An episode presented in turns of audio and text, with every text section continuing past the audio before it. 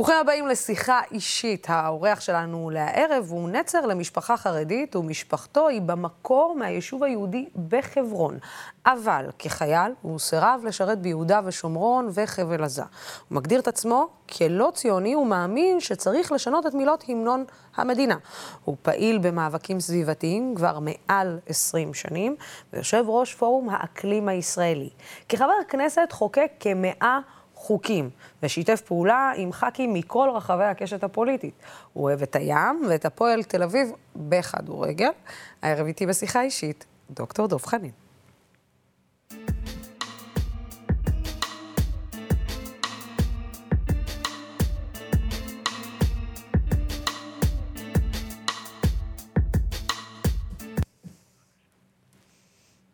שלום לוסי. שלום, שלום. מאיפה אני מתחילה איתך? אולי נתחיל מהתמונות שמאחורייך. תמונות כן, כאלה אה? אופטימיות, אופניים, שבילי אופניים.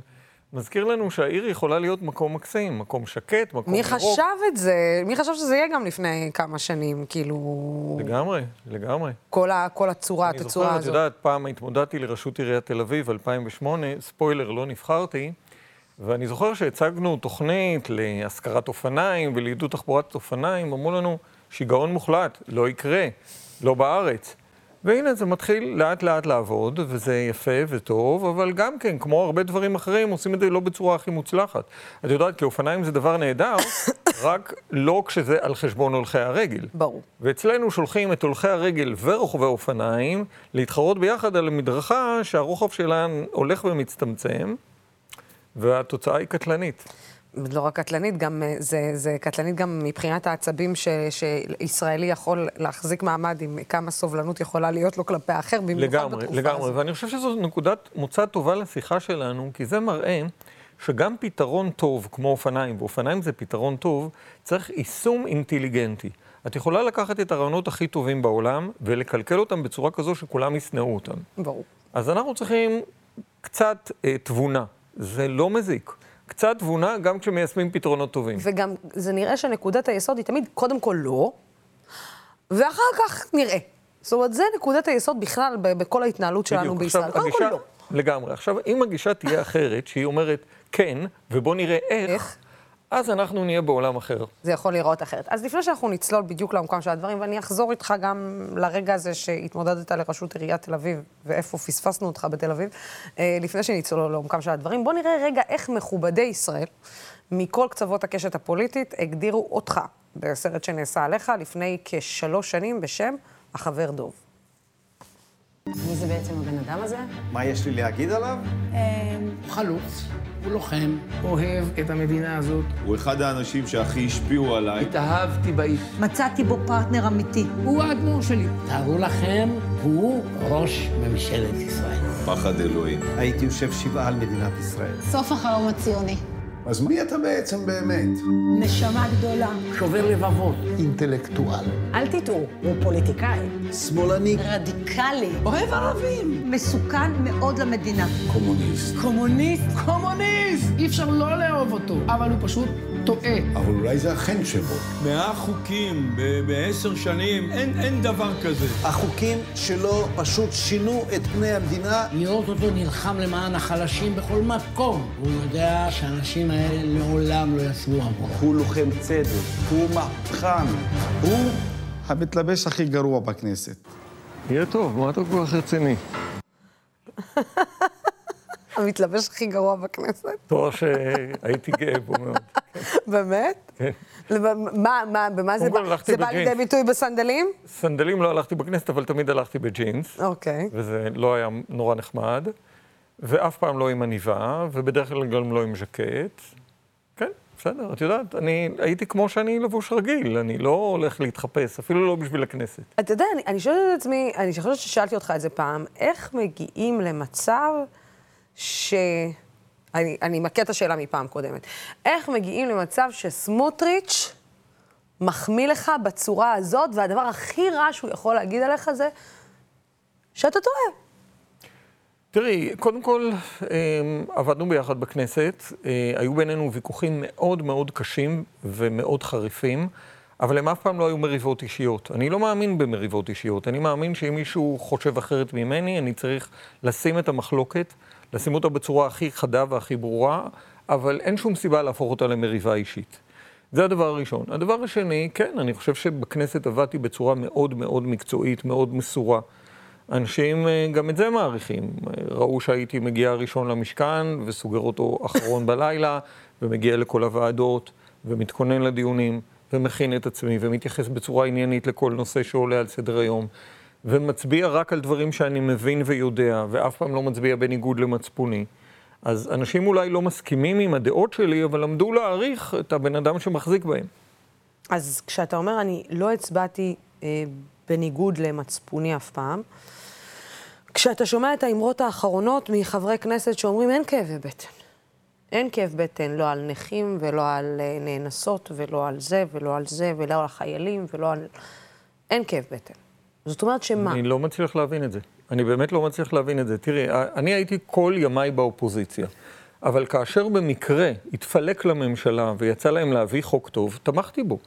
מה זאת אומרת? האם יש חוק שמיטיב את מצבם של בני אדם, אני יכול להתנגד לו? אני חושב שזה דבר מאוד מאוד בעייתי. תראי, מי הם חברי הכנסת? חברי הכנסת הם אנשים שנשלחו על ידי הציבור לפתור בעיות, לתקן את המצב, לשפר את הדברים. אני חושב שאסור לנו להשתמש בכוח העצום שאנשים נתנו לנו כדי לא לעשות את הדברים האלה. אז יכול, יכול להיות ויכוח לגופו של עניין. יכול להיות שאני חושב שמשהו הוא טוב, ואת חושבת שהוא רע. זה בסדר גמור. זו זכותך המלאה להצביע נגדי, כי את חושבת שאני טועה. אבל אם את חושבת שאני צודק, ואני מביא משהו טוב, את צריכה לתמוך בו. זו הייתה הגישה שלי כאופוזיציונר, וזו צריכה להיות לדעתי גם הגישה בכנסת הנוכחית. אתה יודע מה הבעיה איתך, דוב? זה שאתה בעצם... בעיה במרכאות, כן? שהצופים רגע לא יעופו עליי עכשיו, אבל... זה אתה בעצם היישום הלכה למעשה של מה שנקרא היום אמירות פופוליסטיות כדי לזכות באהדת הקהל. זאת אומרת, אתה אומר את כל מה שצריך, מה שאנחנו מאמינים בו. זאת אומרת, מה תפקידו של שליח הציבור? שהוא להיות שליח של הציבור, זה להעמיד את הציבור לגמרי, לפני, זה לדאוג לגמרי. לנו. לוסי. אבל כשאתה אומר את זה היום, איזה פופוליזם זול. קודם כל, אני, אני אבל בכלל... אבל אתה עשית, בכלל... מימשת את הפופוליזם הזה. לגמרי, אני בכלל גם לא מפחד מהמילה פופוליזם. אני לא מפחד מהמילה פופוליזם. פופוליזם מבחינתי זה לא תואר גנאי. פופוליזם זה לשמוע את מה שהעם רוצה, אני גאה בזה. אני גאה בזה שאני שומע את המצוקות של העם, את הכאבים של העם, את הצער של העם, את הפחדים של העם. לא בכל דבר אני זורם עם הרוב. את יודעת שברוב הדברים אני הייתי במיעוט. נכון. לצערי. אה, ולא את כל הדעות של הרוב אני מקבל, אבל את הכאבים של הרוב, את הצער של הרוב, את הפחדים של הרוב, אני בהחלט מבין. ואני חושב שאני צריך בהחלט להתייחס לעם שאני חי בתוכו, זה לא, זה לא בושה להתייחס לעם שאתה נמצא בתוכו וחי בתוכו. אז איך הגענו למצב שבעצם הכל הפך להיות בכנסת לנטו אינטרסים פוליטיים סיעתיים לכיסא ספציפי מסוים? תראי, בואי נתחיל מההתחלה. הכנסת, במהות שלה, היא הישג מאוד גדול של החברה הישראלית. אני יודע שזה קשה להגיד את זה כשרואים את המחזות הקשים בכנסת, אבל צריך להבין במה מדובר. אנחנו חברה מאוד מאוד משוסעת. יש אצלנו אה, יהודים וערבים ואנשי שמאל ואנשי ימין ומזרחים ואשכנזים והמון המון פצעים. אנחנו חברה מאוד פצועה. נכון. תסתובבי ברחוב, תגעי למישהו ביד, את נוגעת בפצע פתוח. נכון. וכל אחד יש לו את הפצעים שלו, ליהודים יש את הפצעים שלהם, לערבים יש את הפצעים שלהם, למזרחים ולאשכנזים, לכולם יש פצעים. עכשיו, יש כאלה שאומרים, רק הפצעים שלי קיימים, אצל אחרים זה לא פצעים אמיתיים. לא, הפצעים של כולם הם אמיתיים. ולכן נורא קשה בחברה שלנו לנהל דיון, כי הדיון הוא נורא אמוציונלי, הוא נורא נוגע בעצבים החשופים של כולם. אבל למרות כל הדברים האלה, אנחנו הצלחנו לייצר מוסד כחברה, שבו יושבים 120 אנשים שמייצגים את כולם, את הימין ואת השמאל, את היהודים ואת הערבים, מתווכחים ורבים, ובסוף מקבלים החלטות שיש להם לגיטימציה, כי זה הרוב. המוסד הזה הוא מוסד מאוד מאוד חשוב. חשוב לשמור אותו, וחבל, חבל להרוס אותו. אני מאוד, אה, מאוד מאוד מצער אותי מה שקורה בכנסת בשנים האחרונות. אגב, התהליכים האלה התחילו עוד כשהייתי שם, אני ראיתי אותם בדאגה מאוד גדולה. הם מבטאים בגדול איזשהו מין מצב שבו המערכת המפלגתית מגיעה למבוי סתום. ומפסיקה לייצג בעצם את האינטרסים החברתיים שהיא אמורה לייצג אותם. זה מאוד מאוד בעייתי ומאוד חמור. כמי שמאוד מאמין במפלגות, אני חושב שחלק גדול מהמפלגות שלנו כבר לא ממלאו את התפקיד שלהם. אז אני, אתה עזבת את הפוליטיקה בשנת 2019, אחרי לא מעט שנים במשכן, 100 חוקים, גם אני כשראיתי את זה, פתאום נפערו לי העיניים, וחוקים חשובים שאתה חוקקת, אבל הנה ההסבר שאתה אז נתת לעזיבה שלך. אה, אז זה לא עייפות, וזה גם לא זלזול בכנסת, אבל עם כל ההישגים שהיו לי, והיו לי הישגים, אני חייב להסתכל על האמת, ואני רואה אמת שמבחינתי היא קשה. אני מצליח לתקן דברים, אני מצליח לשנות דברים, אבל מבחינתי, לפחות לפי גישתי, הספינה ממשיכה לנסוע בכיוון הלא נכון. ואני חושש שהיא עומדת אפילו להתנגש בסלע. את הדבר הזה, לשלוט במערכת ההגאים, אני לא יודע לעשות מהכנסת. אני מאמין שאת הדבר הזה אפשר לעשות רק אם אנחנו מייצרים איזשהו שינוי עמוק במקום שבו הציבור נמצא. וכדי לעשות את זה צריך להתפנות מעבודת הוועדות, מהנאומים במליאה, מלקרוא את כל אלפי הצעות החוק שיש, שצריך לקרוא אותם אם אתה רוצה להצביע ברצינות, ולעשות משהו אחר. ללכת לציבור ולעשות פוליטיקה. התנגשנו כבר בסלע? אה, למרבית השמחה לא התנגשנו בסלע, אבל אנחנו קרובים מאוד עדיין להתנגשות בסלע. אבל את שואלת אותי לבחון את הדברים שאמרתי לפני שלוש שנים במבט לאחור, ואני מרגיש שהדברים הוכיחו את עצמם כנכונים. גם השינוי הפוליטי שקרה במדינת ישראל לא, זכ... לא קרה בזכות הפוליטיקאים בכנסת. הפוליטיקאים בכנסת, ממחנה השינוי, גם כשנתנו להם רוב, הם לא ידעו להשתמש ברוב הזה והלכו לממשלת אחדות עם נתניהו. השינוי שקרה בסופו של דבר, קרה בזכות תנועת מחאה שנוצרה מלמטה. דגלים שחורים והפגנות קשרים וכל הדברים שכולנו ראינו. שנה שלמה אנשים לא ויתרו ויצרו כזאת אנרגיה במחנה השינוי, שלמרות שהמנהיגים של מחנה השינוי הכזיבו את המחנה פעם אחר פעם אחר פעם אחר פעם, המחנה הזה הצליח לייצר פעם נוספת רוב נגד נתניהו, ובזה הוא יצר את המהפך שאנחנו ראינו. אז אנחנו רואים ששינוי מלמטה הוא מאוד מאוד חשוב. אה, ואני אומר את זה גם לצופים שלנו. פוליטיקה אה, מפלגתית היא חשובה, הכנסת מקום סופר חשוב, אבל אנחנו כאזרחים צריכים להבין שכדי לייצר שינוי אמיתי, אנחנו כאזרחים מלמטה צריכים להיות פעילים, ואם נהיה פעילים גם נשפיע. אתן לך דוגמה נוספת, התחום של האקלים, שזה תחום שאני מתעסק בו הרבה מאוד. אני מסתכל על מה שקורה באירופה עכשיו, אני מסתכל על איך אירופה מאמצת אה, מדיניות אקלים מאוד רצינית. איך זה קרה? איך זה קרה שפוליטיקאים שמרנים כמו בוריס ג'ונסון, אנגלה מרקל שהייתה ראש ממשלת גרמ... אה, גרמניה, איך זה קרה שפוליטיקאים כאלה מאמצים מדיניות אקלים רצינית? אי אפשר להבין את זה בלי להבין את הלחץ מלמטה. את גרטה טומברג ואת בני הנוער ואת המפגינים למען האקלים, שבעצם מלמטה ייצרו לחץ כזה שהכריח את הפוליטיקאים לעשות מה שהפוליטיקאים לא רצו לעשות. אז אני מאמין בגדול שהצעד שעשיתי היה צעד נכון, לא לעזוב את הפוליטיקה, אבל לעזוב את הכנסת. אה, אני אומר את זה ברגשות מעורבים, כי אני מסתכל על הכנסת וליבי נחמץ מהדברים שקורים שם, ואני חושב שהדברים שאני עושה עכשיו הם משמעותיים והם אה, חשובים לא פחות, ואני מנסה מלמטה להזיז את כיוון הספינה שלא הצלחתי לשנות מלמעלה. אנחנו מקליטים את התוכנית הזאת אה, ביום ירושלים, אנחנו כמה שעות לפני הצעדה הגדולה. אה, כשאנחנו לצורך העניין עוד מעט אה, נדע מה, אולי כשהשיחה הזאת תשודר אנחנו נדע מה יהיו תוצאותיה אה, של אותה תהלוכה, צעדת הדגלים. ואני שואלת את עצמי, איך הגענו למקום, דוב, שהשיח הפך להיות כל כך שטוח? זאת אומרת, איך הגענו למצב שבו משטיחים את השיח למקום של כן דגל, לא דגל. כן אני מרים דגל כי אני כיהודי במדינת ישראל, והצד השני, אני צריך להראות לו שזה המדינה. איך הגענו למקום הזה כשאנחנו לא מבינים שבכלל השיח הוא לא ככה? כי דגלים תמיד הונפו ותמיד יונפו במדינת לגמרי, ישראל. לגמרי, לגמרי. תראי, אני חושב שזה אשמת כולנו. זה אשמת כולנו. זה מתחיל מהתקשורת שאף פעם לא תחמיץ. לשאול את השאלה על הדגל ועל ההמנון ועל הדברים האלה שהם דברים סימבוליים, אבל הם לא הדברים שקובעים את החיים שלנו. אני שוב, אני לא מזלזל בסמלים, סמלים מאוד יקרים לאנשים, מאוד חשובים להם, אני לא מזלזל בהם. אבל לא אלה החיים שלנו. החיים שלנו הם בדיוק השאלות של איך נראית מערכת התחבורה הציבורית שלנו. איך, למה אנחנו תקועים בפקקים מכל מקום לכל מקום בכל זמן? למה אנחנו לא מצליחים לשכור דירה במחיר נורמלי? איך אנחנו חיים במציאות? תסתכלי על מקום כמו תל אביב. קופסת מתכת, שנקראת מכונית, זוכה לדיור בחינם. אבל בן אדם צריך לשלם המון כסף. זה נראה לך הגיוני? זה נראה לך מתאים?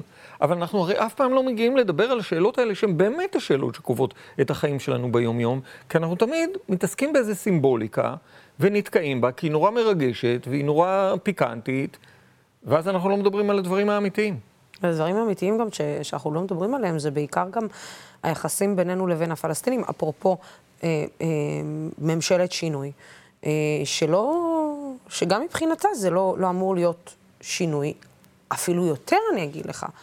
זה נראה שממשלת השינוי בכלל אה, מפחדת, מילא להגיד, אנחנו לא נגיע לעמק השווה בינינו, בין אלו שיושבים בממשלה, אבל זה נראה שהיא מפחדת פחד מוות מבכלל לדון שהנושא הזה קיים.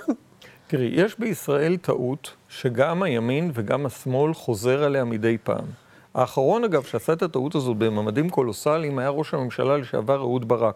לא יודע אם את זוכרת, חזר מקמפ דיוויד, אמר את האמירה המפורסמת שלו, אין פרטנר, היום אנחנו יודעים שזו לא הייתה אמירה נכונה, אבל אמר, אני עכשיו מכניס את הנושא הפלסטיני לקופסה, אני הולך לעשות מהפכה אזרחית.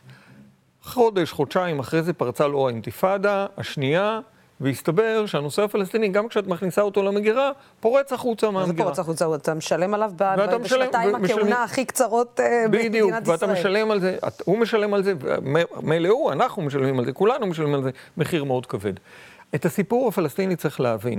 אנחנו לא יכולים להכניס אותו לקופסה. אם אנחנו לא נתמודד איתו, אם אנחנו נעצום את העיניים ונתקע את הראש עמוק בחול, זה לא אומר שהבעיה נעלמה, זה אומר שהראש שלנו נמצא בחול. זה המצב של הממשלה הנוכחית. הממשלה הנוכחית מסרבת לטפל בנושא הפלסטיני, מתעלמת מהנושא הפלסטיני, ובצער אני אומר לך שהדברים האלה יתפוצצו. היום, ואם לא היום, בעוד שבוע, ואם לא בעוד שבוע, בעוד חודשיים.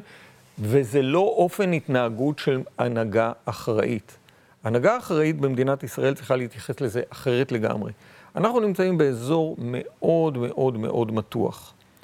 אנחנו נמצאים במרוץ נגד הזמן. זה עניין של זמן עד שכלי נשק חדשים ייכנסו לאזור הזה. אגב, לא רק איראן.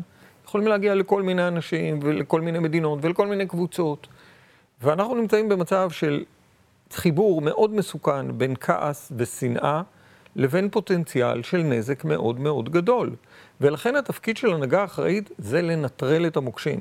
לא להוסיף עוד מוקשים למוקשים הקיימים, לנטרל את המוקשים, להגיע לפתרונות, לייצר פתרונות, פתרונות הגונים לשני הצדדים, שיהיו לשני הצדדים אינטרסים לשמור אותם, לפתח אותם, להעמיק אותם.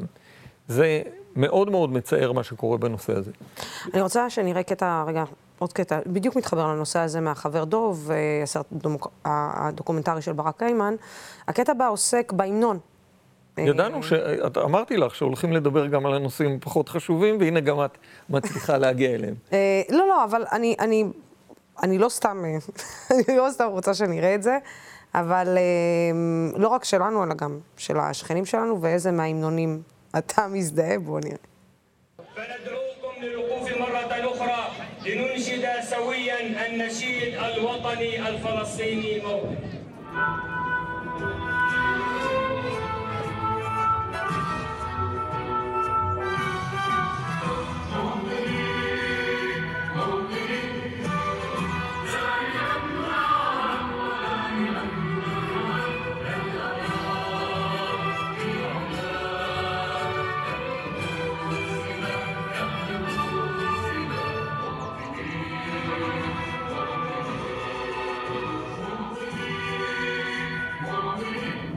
למה אני ביקורתי על התקווה? אני ביקורתי על התקווה כי אני רוצה שגם החברים שלי יוכלו לשיר את המנון המדינה. והרגע הזה שבו כולם קמים ושרים את ההמנון, הוא הרי הרגע שבו גם אתה רוצה לשיר עם כולם. מה, אתה לא רוצה לשיר עם כולם? אבל זה הרגע שבו אתה צריך להגיד לעצמך שיש אנשים יחד איתך שהם אזרחים לא פחות ממך, שהם לא יכולים לשיר את השיר הזה. שהם לא יכולים, מה לעשות? הם גם רוצים, אבל הם לא יכולים כי אין להם את הנפש היהודי הזו שבה מדברים כל הזמן. למה אני מראה את הקטע הזה? קודם כל, כי לראות את הקטע הזה זה קטע מדהים. לראות אותך עומד בהמנון הפלסטיני, זה כאילו לראות ערבי עומד בהמנון של התקווה. לראות אותי עומדת בטקס הדלקת המשואות, כשאני עומדת, כשאני מכבדת, אבל אני לא יכולה לשיר את התקווה. אה, ו, ולראות... ואתה יודע, והעניין הזה של ההמנון הוא, הוא, הוא, הוא עניין כאילו, כל הזמן שואלים, למה ערבים לא שרים את ההמנון? למה שחקן כדורגל לא שר את ההמנון? למה הוא לא שר את ההמנון? ואני אוסיף לך עוד משהו. אני אספר לך סיפור. באחד ה... עשיתי סדרה אה, בזמנו, אה, זה סוג של דוקו, אה, ראיונות עם הרבה מאוד אנשים. אחת מהדמויות הבכירות היום בפוליטיקה התראיין על הסדרה הזאת, ובשיחת התחקיר שערכתי איתו, אה, הוא אמר לי, אני חושב שאחד הדברים הראשונים שצריך לעשות פה זה לשנות את מילות התקווה. ואז אני זוכרת שהסתכלתי עליו ואמרתי לו, אם אתה רוצה לשרוד פוליטית או לנהל איזשהו סוג של קריירה פוליטית, אתה לא יכול להגיד את הדבר הזה בקול רם. זאת אומרת, אני הבנתי כערבייה שיושבת ומקשיבה לאותה דמות מאוד בכירה, שאם הוא יגיד את זה בקול רם, הלכה הקריירה הפוליטית שלו. יכול להיות. תראי, אני לא יודע אם הקריירה שלי אה, הלכה או לא, אבל את יודעת, אלה הדברים שאני מאמין בהם, ואני התרגלתי לומר את הדברים שאני מאמין בהם. אז תראי, אה, רואים פה את הטקס באמת ששרים את ההמנון הפלסטיני, אני לא שר אותו כמובן, ברור. בזה אין שום בעיה. אני לא אה, אזרח פלסטין, זה לא ההמנון שלי, זה נורא פשוט. מכבדים המנון של כולם, ועומדים. זה ברור, ועומדים, אבל לא, לא שרים. הקטע היותר מורכב זה עם התקווה. תקווה זה ההמנון של המדינה שלי. אבל אני רוצה, לוסי, שגם את תוכלי לשיר את השיר של ההמנון של המדינה שלנו. לי מפריע להיות במקום הזה, אני אומר את זה כיהודי. הסבים שלי חיו במדינות שבהם הם לא היו אזרחים שווים. אני לא רוצה לשחזר את זה במדינה שבה אני והעם שלי ברוב. אני לא רוצה. אני לא רוצה. אני, האם אני למדתי משהו מהניסיון של הסבים שלי? כן, למדתי מהם ומהניסיון שלהם שאני לא רוצה לשחזר את מה שעשו לעם שלי במקומות אחרים. זה כל כך אלמנטרי, כל כך טבעי. אני חייב להגיד לך שאני כל כך מתפלא שהעמדה שלי נשארה עמדה של מיעוט, כי נראה לי שהיא לא רק העמדה הכי אנושית, אלא בחיי, נראה לי שזו העמדה הכי יהודית. אתה מבין שזה כאילו נחשבת לעמדה קיצונית? לפני, לפני שהתחלנו את ההקלטה, אמרתי לך ש, שבאתי במונית, ו, והבעל מונית, כאילו זו עמדה, מה שאתה אומר כרגע נחשב לקיצוני, וזה לא קיצוני. לרצות שגם לא. אני אשיר את התקווה, זה לא קיצוני. לגמרי לא. זה, זה, זה היגיון, כי אני ואתה רוצים להילחם כתף אל כתף למען המדינה הזאת. אה, וחלק מזה זה גם להרגיש אחדות לאומית מזה, ישראלית. יותר מזה, תראי, מה שההמנון הזה עושה, הוא נותן בכל פעם מחדש לאזרח הערבי את התחושה שזה לא המקום שלו. וזה דבר שהוא נורא, הוא פשוט נורא. הוא נורא בעיניי, הוא באמת נורא בעיניי. אזרח ערבי שחי במדינה הזאת, תראי, הוא לא בחר במדינה הזאת.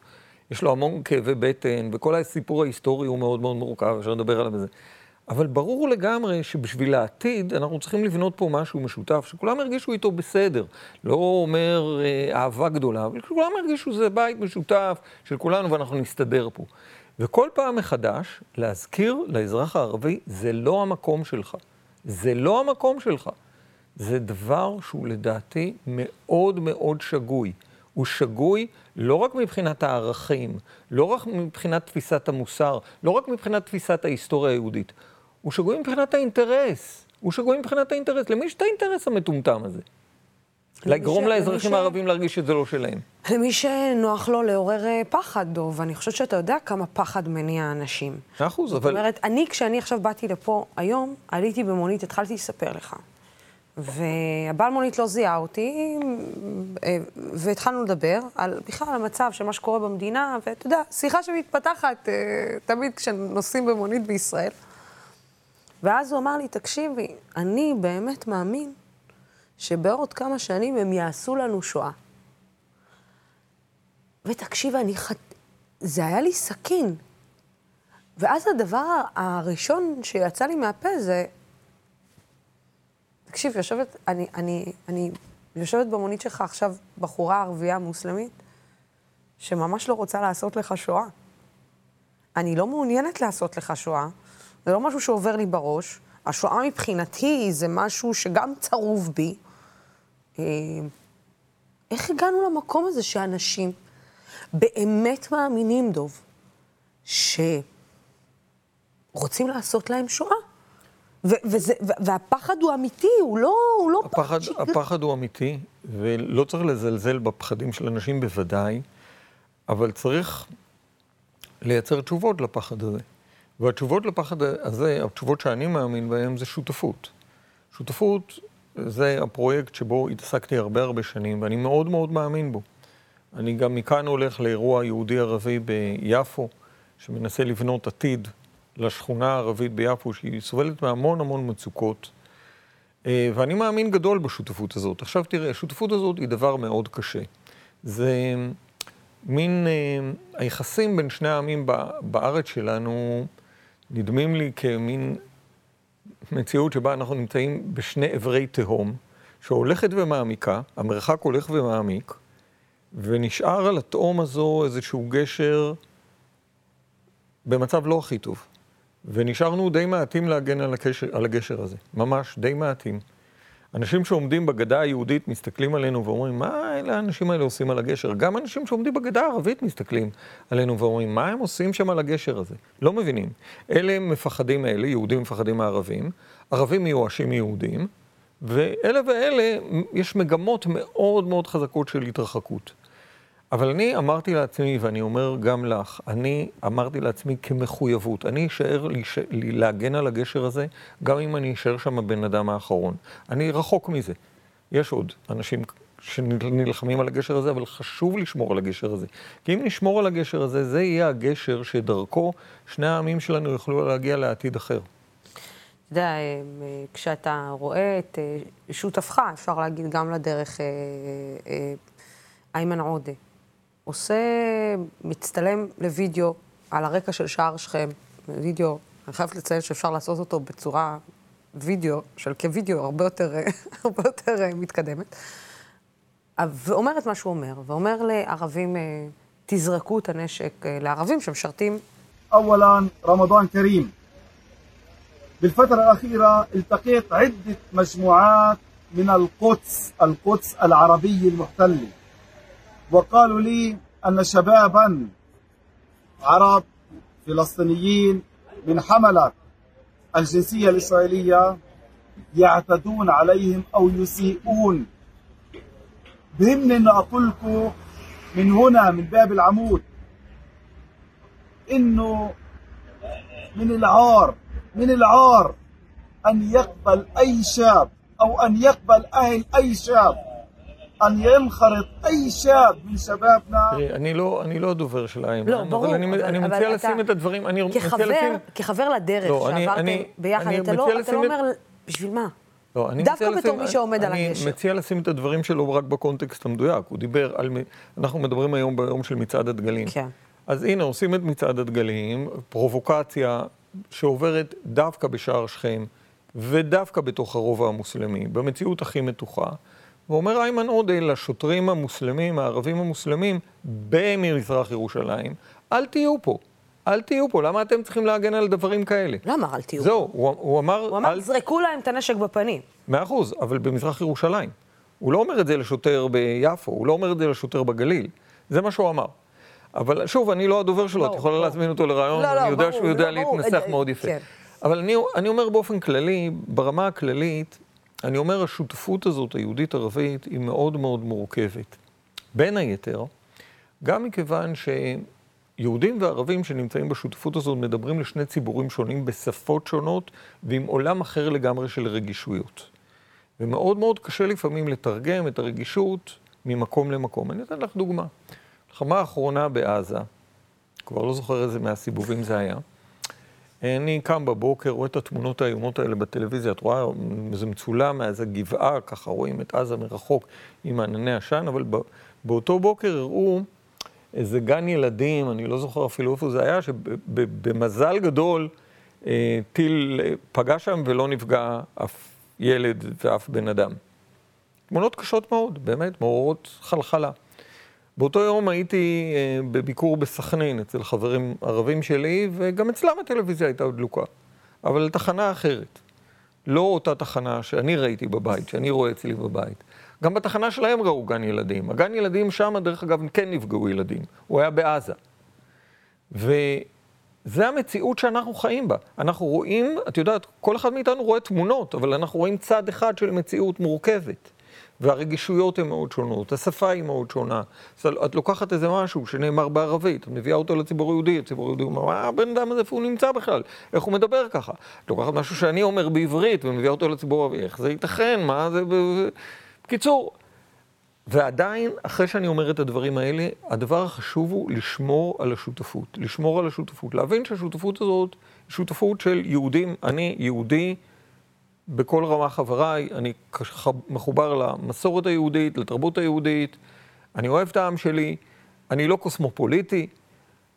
החברים שלי הם ערבים, הם ערבים לגמרי, הם ערבים לאומיים, ואני מייצר איתם שותפות. ואני מייצר איתם שותפות, זה לא שותפות של זה. רק על האמירה הזאת עכשיו, שאתה אומר, הם ערבים לגמרי, יגידו, או, oh, הנה, יצא לו מתנשא קצת. החברים שלי ערבים לגמרי. חברים, לא, יש לי חברים ערבים לגמרי ויש לי חברים יהודים לגמרי.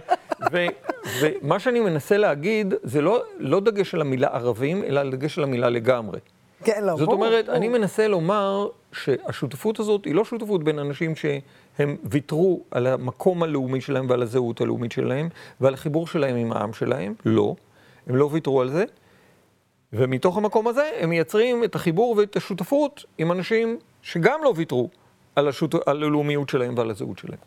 אני, אז בדיוק בנושא הזה של בעצם היכולת לראות את שני הצדדים, שהיום אין, היא לא קיימת. לא, אה, דרך אגב, ההרגשה שלי שהיא לא קיימת באף צד. שום צד היום לא יכול לראות את ה... להכיר, בואו נגדיר את זה, את הנרטיב של הצד השני. גם, אני חושבת שבעקבות כל האירועים גם אין רצון, באמת, לא בא לי, לא רוצה לשמוע את הנרטיב שלך. אה, בהפגנת, אה, בהפגנה שהייתה בזמן צוק איתן ב-2014, הסגרת, הזכרת את מעגל הדמים הבלתי נגמר הזה. שאנחנו מצויים בו, וגם אה, שתי פרסונות אה, מרכזיות אז, שהיום נמצאות בעמדה אפילו יותר בכירה. בואו נראה.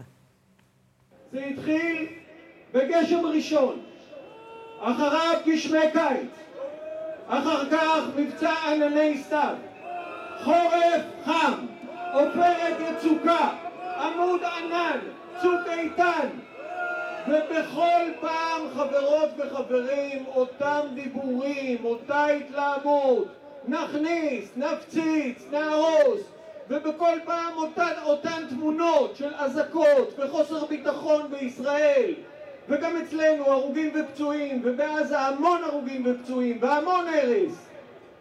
אז מה הם אומרים לנו? אחרי שפעם אחר פעם אחר פעם אחר פעם הדבר הזה לא עובד, הם אומרים לנו בוא נעשה עוד באותו דבר, אבל יותר חזק. בנט הכובש וליברמן המחרים.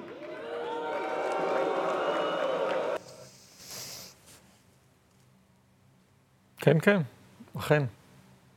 משהו השתנה מאז? בנושאים האלה, לצערי ממש לא. אנחנו עדיין באותו ראש לא מוצלח.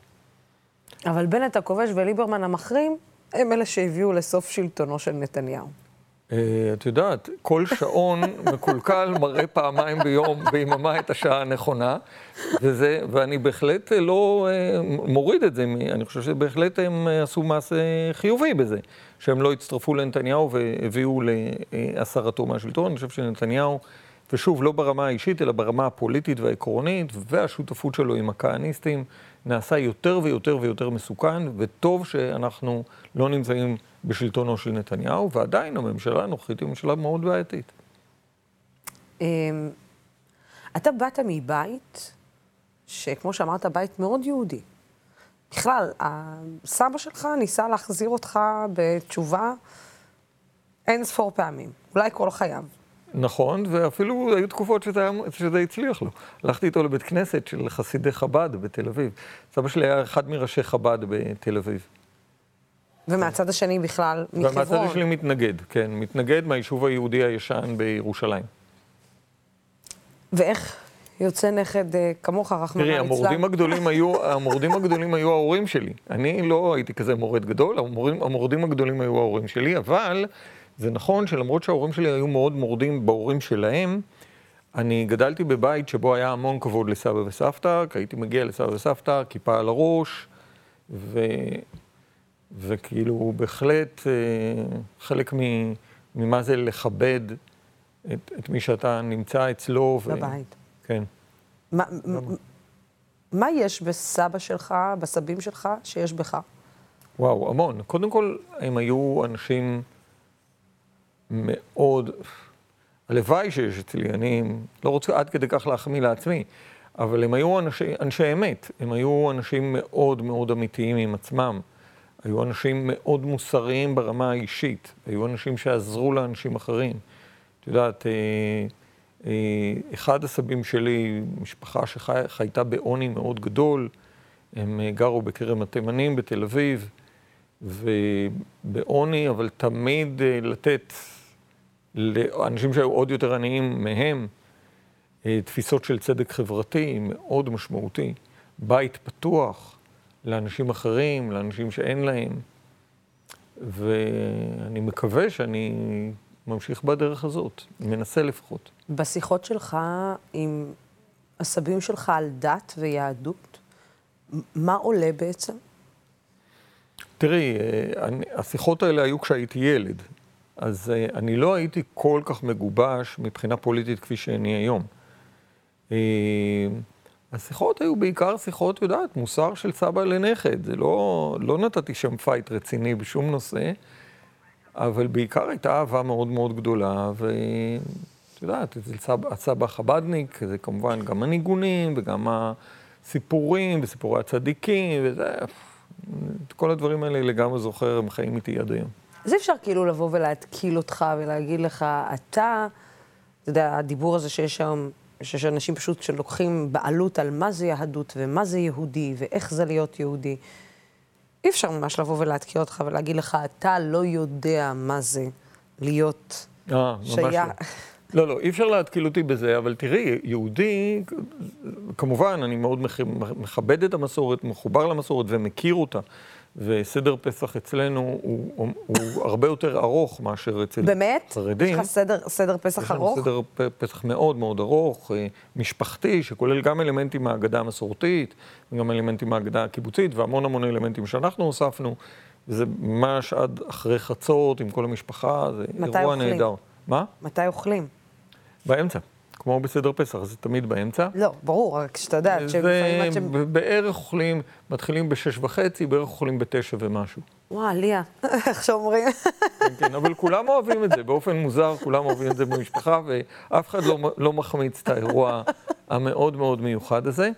אמ, אבל יהדות זה לא רק הם, זאת אומרת, זה לא רק חב"ד. יהדות זה גם רוזה לוקסמבורג.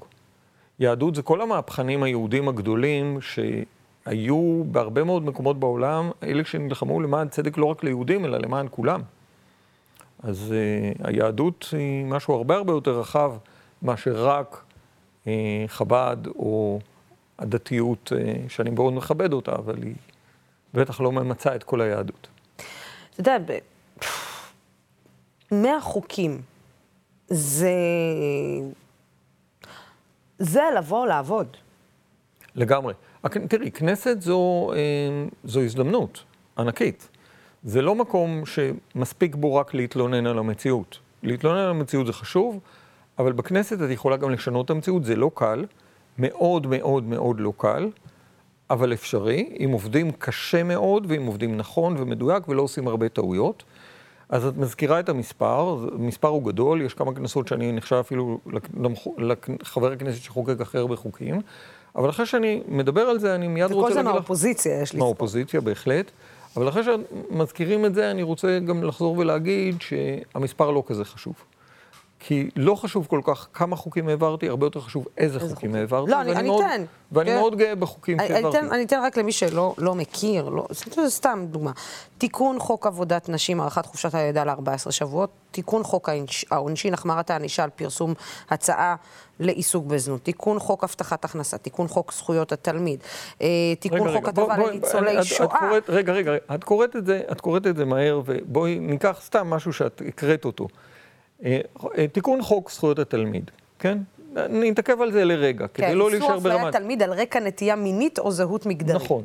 זה החוק היחיד הלהט"בי שהועבר בכנסת ישראל ב-15 השנים האחרונות, ב-20 השנים האחרונות, ואני גאה מאוד שזה חוק שלי. זה חוק שאוסר אפליה מטעמי נטייה מינית או זהות מגדרית, שזה מושג שהכנסנו אנחנו בחוק הזה לתוך המשפט הישראלי, בכל מערכות החינוך בישראל, כולל מערכת החינוך הדתית, כולל מערכת החינוך החרדית, וזה חוק שעבר בכנסת בשלוש קריאות. אז זה קל להעביר כזאת חקיקה, זה מאוד קשה להעביר חקיקה כזאת, אבל זו חקיקה מאוד חשובה. אני מצטער איך שאין... מעבירים חקיקה כזאת כשמפלגות חרדיות אה, נמצאות בקואליציה? את רואה? הנה, זה נושא לשיחה, רק זה, זה נושא לשיחה מאוד מאוד ארוכה ונפרדת. כל חוק כזה שעבר או עובר בכנסת, הוא נושא, אני אגיד את זה, לא לשיחה, אלא לספר. באמת. זה כל חוק כזה, אפשר לכתוב עליו ספר, איך הוא עבר, מה הייתה הדרמה, מה היו המנגנונים התקנוניים, איזה הסכמות נוצרו באיזה שלבים. איך זה קרה? זה, זה באמת סיפור שאני אומר לצופים שלנו שהוא לא מוכר. זאת אומרת, הכנסת בכלל זה מקום שלא מוכר לרוב האנשים, כן? רואים איזה צעקות במליאה ולא מבינים מה קרה ולמה. אבל הכנסת זה מקום מאוד מאוד חשוב, והנה, הדוגמאות האלה הן חשובות, כי זה אומר שבתוך הכנסת אפשר לקדם שינויים מהותיים שעושים שינוי במצב של החיים שלנו בישראל. אתה בכלל, כאילו, היכולת שלך לפשר בין כל הצדדים באה מילדות. זאת אומרת, אתה נודעת כילד שיודע לעשות, מה, סולחות? מה, אתה היית כן. בורר? כן, קצת בורר, כן, קצת. תראי, זה כן, זה גם קשור לזה, זה גם... אה, זה, זה, בואי נאמר ככה, זה באמת קשור ל, ליכולת לייצר שיתופי פעולה, ליכולת להיות ענייניים, ובעיקר לאיזושהי יכולת נורא נורא להתמקד במשימות. כי תמיד יש בעיות, תמיד יש עניינים, תמיד יש איזה משהו שמפריע, תמיד יש איזה משהו שאת את יכולה לרדת מהמסלול כדי להתעסק בו, והוא לא הדבר המרכזי.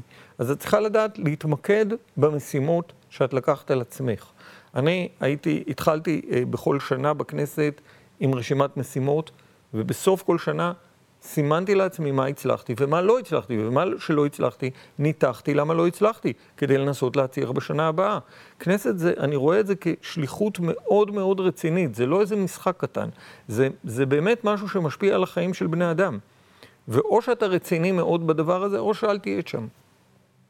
אתה יודע, אני אני מקשיבה לך, וזה זה עוד יותר אה, מעצבן אותי, שליחי הציבור שלנו היום. זה עוד יותר מעצבן, כי אתה אומר, זה לא שזה לא בלתי אפשרי. זה לא שזה, כאילו, זה לא ככה עובד, כי תמיד יסגרו, יסתמו לך את הפה כמראיין, או כ, כמישהו שיבוא וישאל, תמיד יסתמו לך את הפה ב... אתם לא יודעים איך זה עובד, זה לא עובד ככה, זה לא... אבל הנה, אתה אומר שתרבות ה... אם התחלנו עם... אה, קודם כל לא, ואחר כך נראה, כאן אתה אומר, אתה באת תמיד מקודם כל, כן, ובוא נראה איך אנו גורמים לזה לקרות, בדיוק כמו שאמרת בהתחלה. נכון. תראי, אחד הדברים בכלל שמאוד מאוד מפריעים לנו, לא רק בכנסת, בכלל באופן כללי בחיים, זה העובדה שאנחנו, האופק של האפשרויות שאנחנו מציבים בפני עצמנו מאוד מאוד צר. רוב הדברים שאנחנו שמים בפני עצמנו, אנחנו חושבים שמאיזושהי סיבה הם לא אפשריים. אנחנו מוכנים לחיות במציאות שהיא לא מוצלחת, מתוך מחשבה שאין לזה באמת אלטרנטיבה. וזו טעות. זו טעות. אני לא אומר שאפשר לעשות הכל, אבל אפשר לעשות הרבה מאוד כדי לשנות את המציאות שבה אנחנו חיים. ואם מקבלים הרבה כוח, וכחבר כנסת קיבלתי המון כוח מהציבור, זו הייתה חובתי להשתמש בכוח הזה כדי, כדי לעשות את הדברים שאני מאמין בהם. אפשר להגיד שאולי אחד הפספוסים הגדולים שאתה יכול להגיד לעצמך, וואי, אם הייתי היום השר לאיכות הסביבה, דברים היו נראים אחרת? תראי, קודם כל, אם כבר הייתי רוצה להיות שר האוצר, כדי לשנות את המצב של הסביבה בישראל צריך להיות משרד, בשר, שר האוצר, כי שר האוצר ואנשי משרד האוצר באופן עקרוני, אני הצעתי להם לאחרונה להשתמש בתקציב, בתקציב המדינה, להוסיף בו איזשהו סעיף של רכישת חללית, שתחזיר אותם מהכוכב שבו הם נמצאים לכדור הארץ. הם פשוט בכוכב אחר. הם לא מבינים מה זה משבר אקלים, הם לא מבינים למה זה רלוונטי לנו, הם לא מבינים מה צריך לעשות בעניין הזה. והם פשוט לא בעניינים. אז קודם כל צריך להחזיר אותם לכדור הארץ. זה תקציב קטן, אבל מאוד ישתלם לנו. חללית אחת, אפשר להשאיל אותה אולי מאילון מאסק, להחזיר את אנשי האוצר מהכוכב הבלתי ידוע. לשתף פעולה כרגע עם אילון מאסק. רק בעניין הזה, את יודעת, שיתוף פעולה נקודתי, כן, אני לא... נקודתי. אנחנו משתפים פעולה עם כולם, מחזירים אותם לכדור הארץ, בחללית של מאסק מחזירים לו את החללית, משתלם לכולנו. תראי, אה, באמת הנושא הסביבתי הוא דרמה מאוד גדולה. הרבה מאוד אנשים מתרגלים לחשוב עליו כאיזשהו משהו של מותרות, אבל זה כל כך טעות. אנחנו מדברים פה על משבר שהוא מאיים על החיים שלנו, על פני האדמה. אנחנו מדברים על דרמה מאוד מאוד גדולה, ואנחנו מדברים על דרמה שעדיין אנחנו יכולים לעשות המון דברים כדי להימנע מהסכנה, ואנחנו לא עושים את מה שצריך. אה, אני יודעת שאתה צריך ללכת, אז... אה, כי יש לך את האירוע שאמרת שאני הולך לאירוע של... בין ערבים ליהודים. התכונה הכי טובה שלך והתכונה הכי רעה שלך? התכונה הכי טובה שלי זה חוש הומור. זה דבר שעוזר לי במצבים קשים. בכלל, את יודעת, ז'בוטינסקי כותב בסוף הספר שלו שמשון שהוא מוריש לעם ברזל, מלך וצחוק. אז על ברזל ומלך אני לא בטוח שאני חותם, אבל על צחוק כן. אני חושב שהומור זה תכונה אה, מאוד מאוד טובה. אה, התכונה הכי רעה שלי זה לפעמים רצינות יתר. Hmm. אני מאוד מאוד לוקח ללב, מאוד, ובפוליטיקה זה נורא קשה. לא, אני לא לוקח ללב את הדברים האישיים. הדברים האישיים, אני, הם, הם, לא, הם לא נוגעים בי באמת. אבל uh, מאוד מאוד קשה לי לראות עוול, מאוד מאוד קשה לי לראות סבל של אנשים. אז אני נותן את זה כתכונה שלילית, כי זה לפעמים כל כך כואב שזה מפריע לעבוד. לא דיברתי איתך על עיריית תל אביב ולא דיברתי איתך על... אז to be continued. על, יאללה, מאבקים חברתיים, ולא, ולא דיברתי איתך עוד על הרבה דברים, וחוק האקלים, ולא דיברתי איתך על מלא דברים. אם אתה פוגש את עצמך בגיל 80, מה יש לך להגיד? אם אני פוגש את עצמי בתור המראיין, בגיל 80, אה, אני מקווה שעד גיל 80 אני עוד אצליח לעשות המון דברים. אני רק בהתחלה, את יודעת, אני מלא אנרגיה. אז, אה, אני מקווה שעד גיל 80 אה, אני אגיע למקום שבו המראיין יגיד לי, תשמע דוב, 15 השנים האחרונות ממש השתפרת. יש עוד קאמבק לפוליטי, אזרחי או פוליטי? אני לא מרגיש שאני צריך קאמבק, אני מרגיש שאני כל הזמן בעניינים. שאתה כל הזמן שם, אה? אז to be continued לכולנו, אני אומרת. איך, אני חושבת שצריך לסיים עם פנייה לשליחי הציבור שלנו, להגיד להם, תהיו דוב, פשוט תהיו דוב. דב חנין, תודה רבה לך. תודה, לוסי. תודה. תענוג, ואני מקווה שעמדתי בזמנים, למרות שהערבים בדרך כלל לא עומדים בזמנים, אבל אנחנו, הנה, בזה אני חושבת שאני עומדת בזמנים. תודה רבה לך על השיחה. תודה, תודה. הגענו לסיום התוכנית. מדי שבוע אנחנו נהיה פה עם שיחה אישית עם דמויות שונות ומגוונות בחברה הישראלית, בכל יום שלישי בשעה שש בערב. תמשיכו לעקוב אחרינו כאן בדמוקרטי ויערוץ בשיתוף הציבור. אנחנו נתראה מחר במהדורה המרכזית. אנחנו נדאג להביא את דוב לתוך המהדורה המרכזית, נשאל אותו על עוד דברים. הוא בעצם הנציג שלנו בכל מה שקשור לאקלים. אל תדאגו. בינתיים, סלמת.